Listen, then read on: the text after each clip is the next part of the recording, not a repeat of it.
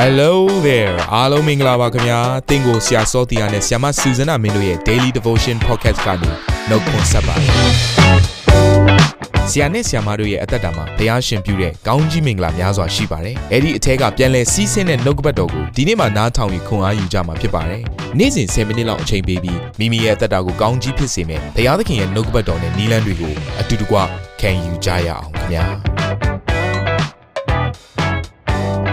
အားလုံးမင်္ဂလာပါအားလုံးနှုတ်ခွန်းဆက်ပါတယ်ကျွန်တော်တို့ Daily Devotions အစီအစဉ်ကိုပြန်လည်ပြီးတော့စတင်တာအခုဒုတိယမြောက်အပတ်ကိုကျွန်တော်ရောက်လာပြီဖြစ်ပါတယ်အစကတည်းကကျွန်တော်တို့စခဲ့တဲ့အရာတွေကနေပြီးတော့တွက်မယ်ဆိုရင်တော့စုစုပေါင်းပေါ့နော် week 17ကိုရောက်လာပါပြီဒီတစ်ပတ်အတွက်ကျွန်တော်တို့လေ့လာရမယ့်အရာခံယူရမယ့်အရာနော်တိဆောက်ရမယ့်နှုတ်ကပတ်တော်ခေါင်းစဉ်ကတော့ဒုက္ခကိုသီးခံခြင်းဆိုတဲ့နှုတ်ကပတ်တော်အပြင်ကျွန်တော်လေ့လာသွားမှာဖြစ်ပါတယ်အဲ့တော့အခုလိုချိန်ကာလက နောက်ဆုံးသောအချိန်ကာလဖြစ်ပါတယ်เนาะဒီအချိန်မှာကျွန်တော်တို့ပြင်းရည်နေလို့မရဘူးဒီအချိန်ကခက်ခဲသောကာလဖြစ်တယ်ဒုက္ခလို့ပြောလိုက်မယ်ဆိုရင်ဒီအချိန်လောက်စုံလင်တာတော့မရှိတော့ဘူးเนาะယောဂလည်းစုံတယ်စစ်ပွဲတွေလည်းစုံတယ်เนาะပြဿနာတွေပေါင်းစုံနဲ့ခက်ခဲမှုအလုံးစုံเนาะကုံစင်းလုံးကြီးမြင့်ခြင်းတွေကအစကျွန်တော်ကြုံတွေ့နေရပါတယ်เนาะဒီလိုမျိုးဒုက္ခဆင်းရဲတွေနဲ့ကြော်ဖြတ်ရတဲ့အချိန်မှာเนาะထိုဒုက္ခဆင်းရဲကိုသီးခံခြင်းဆိုတဲ့အရာဟာ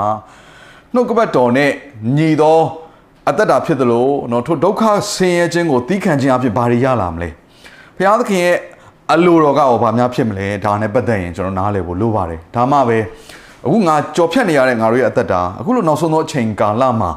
ငါဘဝအတွက်အလိုအဆုံးသောအရာဘာများလဲဆိုတာကိုနားလည်ပြီးတော့ကျွန်တော်တို့ခွန်အားယူအတိဆောက်နိုင်မှာဖြစ်ပါတယ်เนาะကျွန်တော်တို့အသက်တာမှာသူပြခရိယန်အသက်တာဆိုတာက တိဆောက်တဲ့ပုံမှန်ကန်ဖို့လိုပါတယ်။နော်။ဘာနဲ့တူလဲဆိုတော့ကျွန်တော်တို့မုံဖုတ်တာနဲ့တူတယ်။မုံတစ်လုံးကိုလှုပ်တော့မယ်ဥမာဆိုပါစို့ကိတ်မုံကျွန်တော်ရဲ့ဇနီးတွေကနော်အိမ်မှာရှိတဲ့မိသားစုဝင်တွေမွေးနေ့ဝယ်ရောက်တော့မယ်ဆိုရင်သူကကိတ်မုံကိုပြင်ဆင်လေးရှိပါတယ်။အဲ့တော့သူ့အနေနဲ့ဒီကိတ်မုံဖုတ်တဲ့အရာကိုအရန်စိတ်ဝင်စားတော့လှုပ်လာရင်းနဲ့နောက်ဆုံးမှာတော့နော်ပြီးခဲ့တဲ့လက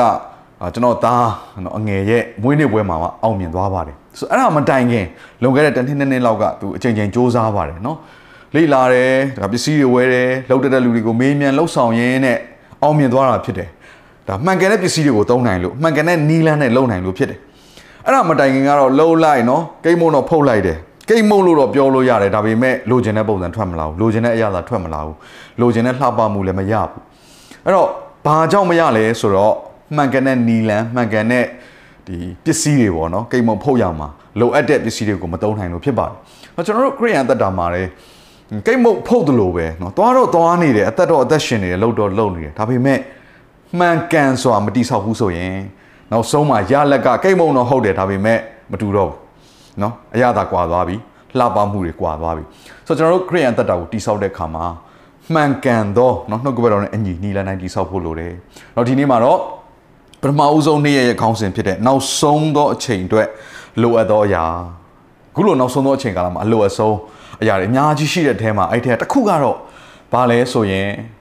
သီးခံခြင်းဖြစ်တယ်။ဘာကိုသီးခံတာလဲ။ကြုံနေရတဲ့ဒုက္ခဆင်းရဲကိုသီးခံပြီးတော့ယေရှုနောက်ကိုဘုရားသခင်နောက်ကိုတော့တည်ကြည်စွာဖြင့်လိုက်နေခြင်းဖြစ်ပါတယ်။ဆိုတော့ယေရှုခရစ်တော်ကဒီနောက်ဆုံးသောအချိန်ကာလနဲ့ပတ်သက်ပြီးတော့ကြိုပြီးပြောခဲ့ပါတယ်။ဒါကျွန်တော်တို့အခုလိုအချိန်ကာလမှာ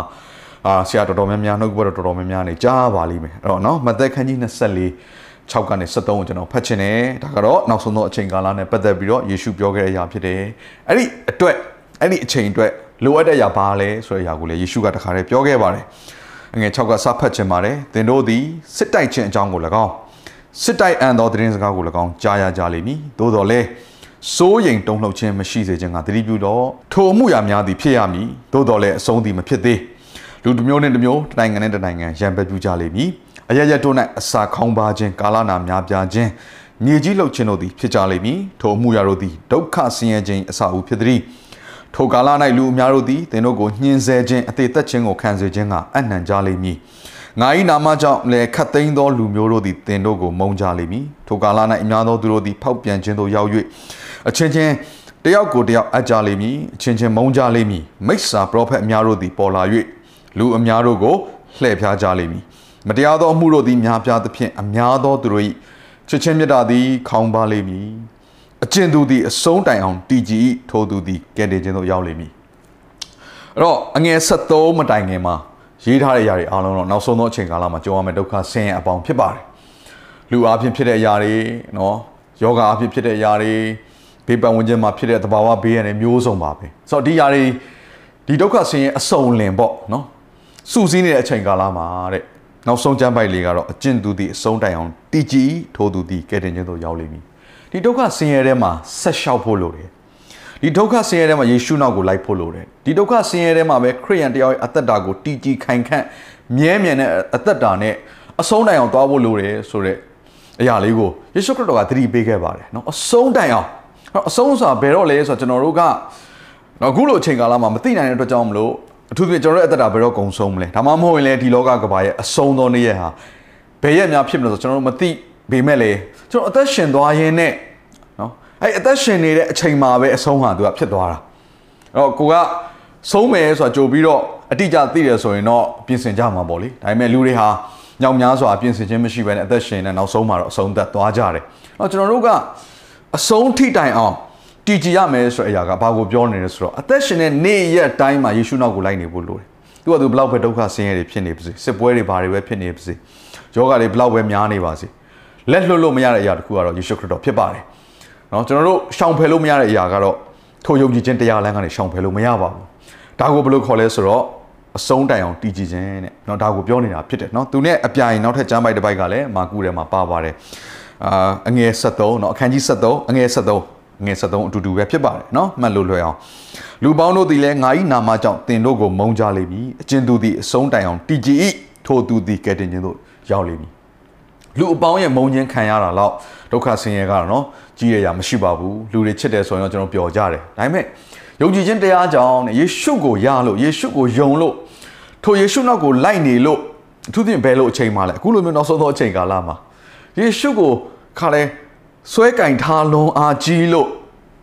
တင့်ကိုလူတွေကမုန်းကြလိမ့်မယ်တဲ့ဒါပေမဲ့အဆုံးတိုင်အောင်ယေရှုနောက်ကိုဆက်ပြီးလိုက်မယ်ဆိုရင်တော့ထို့သူဟာတဲ့နော်ကဲတင်ခြင်းကိုရောက်မယ်ဆိုရအဲ့တော့ကျွန်တော်တို့ဒီဒုက္ခဆင်းရဲဆိုတဲ့အရာကတော့ရှိနေမှာပဲပိုတော်များလာအောင်မယ်ဒါကရှောင်လွဲလို့မရဘူးအဲ့တော့ဒီဒုက္ခဆင်းရဲတွေကိုကျွန်တော်ကြော်ဖြတ်နေတဲ့အချိန်မှာဘယ်လိုရင်ဆိုင်မလဲဆိုတာကပို့ပြီးအရေးကြီးပါတယ်အဲ့တော့ကျွန်တော်ရှောင်လွဲဖို့မစင်စားပါနဲ့ဘယ် လိုရင်ဆိုင်မလဲဘယ်လိုရှေ့ဆက်ရှောင်မလဲဆိုတာကိုပဲပြင်ဆင်ပါရှေ့ဆက်ရှောင်ရမယ့်အရာကတော့ဒီဒုက္ခဆင်းရဲထဲမှာသီးခံခြင်းဖြစ်တယ်အဲ့တော့သီးခံခြင်းเนาะဒါအရင်ရေးကြည့်ပါတယ်ဒါကြောင့်မို့ကျွန်တော်ယောမအခန်းကြီး9အငယ်1ကနေ9မှာပေါလုပြောထားတဲ့ခရိယန်တက်တာလေးကိုကျွန်တော်နှစ်ပိုင်းခွဲပြီးပြောခြင်းပါတယ်အဲ့တော့ယောမအခန်းကြီး9အငယ်1ကနေ2ကတော့ပထမတစ်ပိုင်းဖြစ်တယ်เนาะထို့ကြောင့်ငါတို့သည်ယုံကြည်ခြင်းရှိ၍ဖြောင့်မတ်ရာသို့ရောက်လျင်ငါတို့သခင်ယေရှုခရစ်အားဖြင့်ဖခင်သခင်ရှေ့တော်၌ ငြိမ်သက်ခြင်းကိုခံစားကြ၏ထိုဂျေဇူးတော်ကိုခံစားရသည့်အကြောင်းမှာယုံကြည်ခြင်းရှိ၍ထိုသခင်အားဖြင့်သာခံစားသောခွင့်ကိုရကြ၏တို့ဖြစ်၍ဖခင်သခင်ဘုန်းတော်ကိုမျှော်လင့်၍ဝါကြွားဝမ်းမြောက်ခြင်းရှိကြ၏အဲ့တော့ဒီအငယ်1နဲ့2မှာရေးထားတဲ့အရာကတော့ယေရှုခရစ်တော်ကိုကျွန်တော်တို့ကယုံကြည်လက်ခံလိုက်လို့ယေရှုကလည်းကျွန်တော်တို့အတွက်အရာခတ်သိမ်းကိုပေးဆက်ခဲ့ပြီးလို့သူ့ရဲ့ဂျေဇူးတော်အားဖြင့်ရတဲ့အရာက ကျွန်တော်တို့အတွက်ဝမ်းမြောက်စရာဖြစ်တယ်ဖခင်ရဲ့ဘုန်းတော်ဖြစ်တယ်ဒါကြောင့်မလို့เนาะဒီပထမဦးဆုံးသောဝါကြောင်းဝမ်းမြောက်ခြင်းကဘာလဲဆိုတော့ဖခင်သခင်ဘုန်းတော်ကိုမျှော်လင့်၍ယုံကြည်သူတိုင်းအတွက်မျှော်လင့်စရာအကြောင်းရှိတယ်အဲ့ဒါဘာလဲဆိုတော့ယေရှုခရစ်တော်အားဖြင့်ရသောဖခင်ရဲ့ဘုန်းဖြစ်တယ်ဒါကိုမျှော်လင့်ခြင်းနဲ့ကျွန်တော်တို့ရဲ့အသက်တာထဲမှာ rejoice ဝမ်းမြောက်ခြင်းရှိနေတယ်เนาะဒီရာပေါ်မှာဒါကတော့ယုံကြည်သူတိုင်းအတွက်ဝမ်းမြောက်စရာကောင်းတဲ့သတင်းစကားဖြစ်ပါတယ်ဒါပေမဲ့ခရစ်ယာန်သက်တာကအဲ့ဒီမှာပဲမပြီးသွားပါဘူးနောက်ထပ်တစ်ပိုင်းကြံပါသေးတယ်ဒါကိုဘောလူကအငယ်3ကနေစပြီးတော့ပြောပါတယ် ထုံမြမကဒုက္ခဆင်းရဲခြင်းကိုခံ၍ဝါကြွားဝမ်းမြောက်ခြင်းရှိကြ၏အကြောင်းမူကားဒုက္ခဆင်းရဲခြင်းသည်သီးခံခြင်းကိုပြုစုတတ်၏သီးခံခြင်းသည်လည်းသက်သေထင်ရှားခြင်းကိုပြုစုတတ်၏သက်သေထင်ရှားခြင်းသည်လည်းမျှော်လင့်ခြင်းကိုပြုစုတတ်၏ထိုမျှော်လင့်ခြင်းသည်ရှက်ကြောက်စရာအကြောင်းနှင့်ကင်းလွတ်၏အဘဲကြောင့်ဒီဟုမူကားငါတို့အားပေးတော်မူသောတန်ရှင်သောဝိညာဉ်တော်သည်ဘုရားသခင်မြစ်တာတော်ကိုငါတို့စိတ်နှလုံးထဲသို့ညွှန်လောင်းတော်မူ၏ အဲ့တော့ဒီနေရာမှာလဲဝါကြွားဝမ်းမြောက်ခြင်းဆိုရရှိပါတယ်ဘာကိုဝါကြွားဝမ်းမြောက်တာလဲဒုက္ခဆင်းရဲခြင်းကိုခံ၍ဝါကြွားဝမ်းမြောက်ခြင်းရှိကြ၏ဒီနေ့ဒီထဲမှာလျှို့ဝှက်ချက်တစ်ခုရှိပါတယ်ဒုက္ခဆင်းရဲခြင်းကိုပြန်လဲတုံ့ပြန်တဲ့နီလန်ဖြစ်တယ်အဲ့ဒါဘာလဲဆိုတော့ဝါကြွားဝမ်းမြောက်ခြင်းဖြစ်တယ်ဒီဝါကြွားဝမ်းမြောက်ခြင်းကဘာအားဖြင့်ဖြစ်တာလဲဆိုတော့ဝိညာဉ်တော်ဘုရားကဘုရားရဲ့မေတ္တာကိုကျွန်တော်တို့အထက်မှာသွန်းလောင်းတဲ့အခါမှာထိုဘုရားရဲ့ဘုန်းတော်ကိုကျွန်တော်တို့ကမျှော်လင့်ပြီးွားကြွားတာဒါကြောင့်ဘုရားရဲ့ဘုန်းတော်ကိုမျှော်လင့်ခြင်းဆိုတဲ့အရာက တတက်တောင့်တက်တာဖြစ်တဲ့အခြေအနေတစ်ခုတည်းမှာပဲရှိတာမဟုတ်ပါဘူးယေရှုကိုရပြီကျေးဇူးတော်တွေခံစားရဂိူနာတော်တွေခံစားရရင်တဲ့နေ့ရက်တိုင်းမှာကောင်းတဲ့အရာတွေကြုံရလို့ကျွန်တော်တို့ကဩဘုရားကျေးဇူးတော်ကိုချီးမွမ်းရင်းနဲ့ကိုတော့ဘုန်းတော်ကိုမျှော်လင့်ပြီးတော့ကျွန်တော်ဝါကြွားဝမ်းမြောက်တယ်ဆိုတဲ့အရာတစ်ခုတည်းမဟုတ်ဘဲနဲ့ဒုက္ခဆင်းရဲကိုခံစားရတဲ့အချိန်မှာလဲထိုသခင်ရဲ့ဘုန်းကိုမျှော်လင့်ပြီးတော့ဝါကြွားဝမ်းမြောက်နိုင်ပါတယ်။ဘာကြောင့်လဲ ထိုဒုက္ခဆင်းရဲကိုတဲ့နော်သိခံတဲ့အခါမှာတဲ့ဘာဖြစ်လာလဲဆိုတော့တတ်သိထင်ရှားခြင်းဆိုတဲ့အရာဖြစ်လာတယ်။အဲ့ဒီတတ်သိထင်ရှားခြင်းကဘာကိုပြုစုပေးလဲဆိုတော့မျော်လင့်ခြင်းကိုပြုစုပေးတယ်ဘာကိုမျော်လင့်တာလဲစောစောကပြောတယ်ဘုရားရဲ့ဘုန်းတော်ကိုပဲမျော်လင့်တာဖြစ်ပါတယ်ဒါကြောင့်ကျွန်တော်ပြောပြခြင်းတယ်ဘုရားဘက်ကပြုတဲ့ဂျေဇုနော်ဂယုဏအားဖြင့်ကျွန်တော်ဘုရားရဲ့ဘုန်းတော်ကိုမျှော်လင့်ဝမ်းမြောက်ခြင်းနဲ့အသက်ရှင်နိုင်တယ်လို့ပဲဒုက္ခဆင်းရဲတဲမှာလဲကျွန်တော်တို့ကိုယဉ်ကျက်စေခြင်းအပြင်ဘုရားက ဝါကြွားဝမ်းမြောက်သောအသက်တာနဲ့အသက်ရှင်စေခြင်းပါတယ်။ဒါကြောင့်ဒီနေ့ကျွန်တော်အားပေးခြင်းတယ်ပထမတစ်ပိုင်းနဲ့မဟုတ်ဘဲနဲ့ဒုတိယတစ်ပိုင်းကိုလည်းသင်ကြော်ဖြတ်နေရတဲ့အချိန်မှာကျွန်တော်အားလုံးပါပဲเนาะအခုဒီချိန်ဟာဒုက္ခဆင်းရဲကိုအားလုံးရင်ဆိုင်ကြော်ဖြတ်နေရတဲ့အချိန်ဖြစ်တယ်ကျွန်တော်အားပေးခြင်းပါတယ်ထိုဒုက္ခဆင်းရဲထဲမှာသီးခံပါသီးခံပါဒီနေ့မှာပြောမှာစိတ်ရှည်ပါเนาะစိတ်ရှည်ဆိုတာတကယ်တော့ဘာလဲဆိုတော့ဒုက္ခဆင်းရဲကိုသီးခံတာဖြစ်တယ်ကိုယ်မဖြစ်ခြင်းတဲ့အရာမကြုံခြင်းတဲ့အရာကိုရင်ဆိုင်ပြီးတော့အဲ့ဒီအထဲမှာပဲဖះကိုဆွဲကင်ထားတယ်ဖះကိုလက်မလွတ်ဘူး နော်ဖះရဲ့နီလန်ဒီယုံကြည်ခြင်းတရားလမ်းထဲမှာပဲဆက်ပြီးရှောင်နေတဲ့အရာဖြစ်ပါတယ်တကယ်တော့ဒုက္ခဆင်းရဲခြင်းတွေကကျွန်တော်တို့ကိုလမ်းလွဲစေတယ်ကျွန်တော်တို့ကိုရိမ့်ရိုင်စေတယ်ဒါပေမဲ့ကျွန်တော်တို့ကထိုအရာကိုဆွဲကင်ထားမယ်ဆိုရင်တော့အဆုံးထိတိုင်အောင်တည်ကြည်တဲ့အကြောင်းမလို့ကယ်တင်ခြင်းကိုရောက်မယ်ဆိုရရာဒီနှုတ်ကပတ်တော်ထဲမှာပြောထားတာဖြစ်ပါတယ်ကျွန်တော်နောက်ဆုံးအနေနဲ့ဂျာမိုင်တစ်ပိုက်ဖတ်ချင်ပါတယ်ဒါကတော့ယာကုပ်ခန်းကြီး1ငယ်2ကနေ4ဖြစ်တယ်ငါညီကိုတို့တင်တို့ဤယုံကြည်ခြင်းကိုစစ်ကြောစုံစမ်းခြင်းအရာသည် သီးခံခြင်းကိုပွားစေတတ်သည်ဟုသိမှတ်လျက်အထူးထူးပြပြစုံစမ်းနှောက်ယှက်ခြင်းနှင့်တွေ့ကြုံသောအခါဝမ်းမြောက်စရာအကြောင်းတသက်ဖြစ်သည်ဟုမှတ်ကြလော့သင်တို့သည်အလင်းမချို့တဲ့ပဲစိတ်ဆက်စုံလင်မိအကြောင်းသီးခံခြင်းစိတ်သည်အကုန်စင်ပြုပြင်ပါစေခရိယန်အသက်တာရဲ့နောက်ဆုံးသောလန်ခီးဗန်တိုင်ကပါလေယေရှုခရစ်တော်နဲ့တူဖို့ဖြစ်တယ်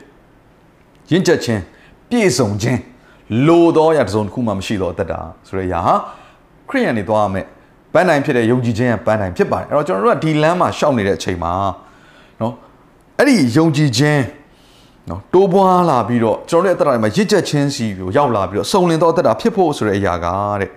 ဘာအားဖြင့်ဖခင်ကလှုပ်ဆောင်လဲဆိုတော့စုံစမ်းစစ်ဆေးခြင်းအဖြစ်လှုပ်ဆောင်ပါတယ်အဲ့ဒီစုံစမ်းစစ်ဆေးတဲ့အခါမှာတဲ့ကျွန်တော်တို့အသက်တာထဲမှာတိုးပွားလာတဲ့အရာတစ်ခုကဘာလဲဆိုတော့သီးခံခြင်းဖြစ်တယ်။ဒါကြောင့်မလို့ညီကောင်မောင်တို့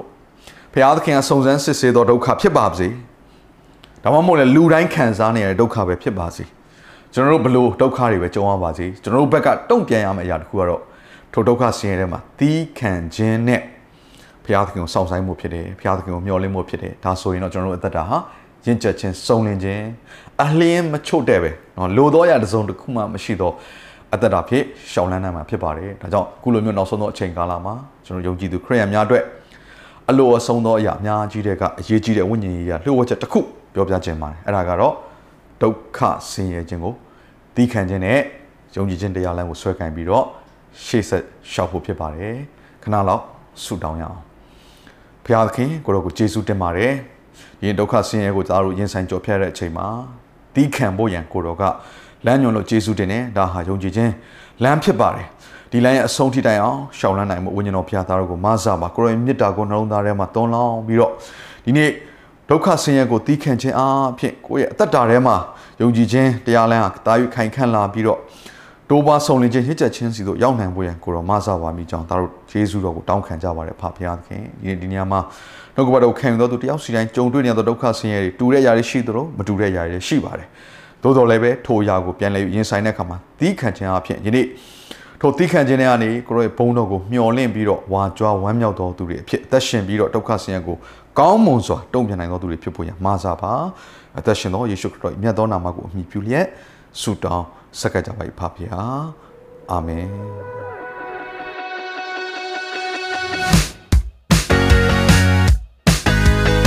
နာတော်တာစင်သူတိုင်းရဲ့အသက်တာမှာကောင်းကြီးဖြစ်မယ်ဆိုတာကိုကျွန်တော်ယုံကြည်ပါတယ်။သင်ရဲ့အသက်တာအတွက်များစွာသော resource တွေနဲ့ update တွေကို Facebook နဲ့ YouTube platform တွေမှာလည်းကျွန်တော်တို့ပြင်ဆင်ထားပါတယ်။ Facebook နဲ့ YouTube တွေမှာဆိုရင် search box ထဲမှာစူဇနာမင်းလို့ရိုက်ထည့်လိုက်တဲ့အခါအပြအယောင်အမှန်ချစ်ထားတဲ့ Facebook page နဲ့ YouTube channel ကိုတွေ့ရှိမှာဖြစ်ပါတယ်။နှုတ်ကပတ်တော်တွေကိုဗီဒီယိုအားဖြင့်လည်းခွန်အားယူနိုင်ဖို့ရန်အတွက်အစင်သစ်ပြင်ဆင်ထားပါတယ်။ကျွန်တော်တို့ဝิญဉ်ရေးရာအတွက်အထူးလိုအပ်တဲ့ဖွင့်ပြခြင်းတွေနဲ့ခွန်အားတွေကိုရယူလိုက်ပါ။ နောက်ရက်များမှာပြန်ဆုံတွေ့ကြရအောင်ခင်ဗျာ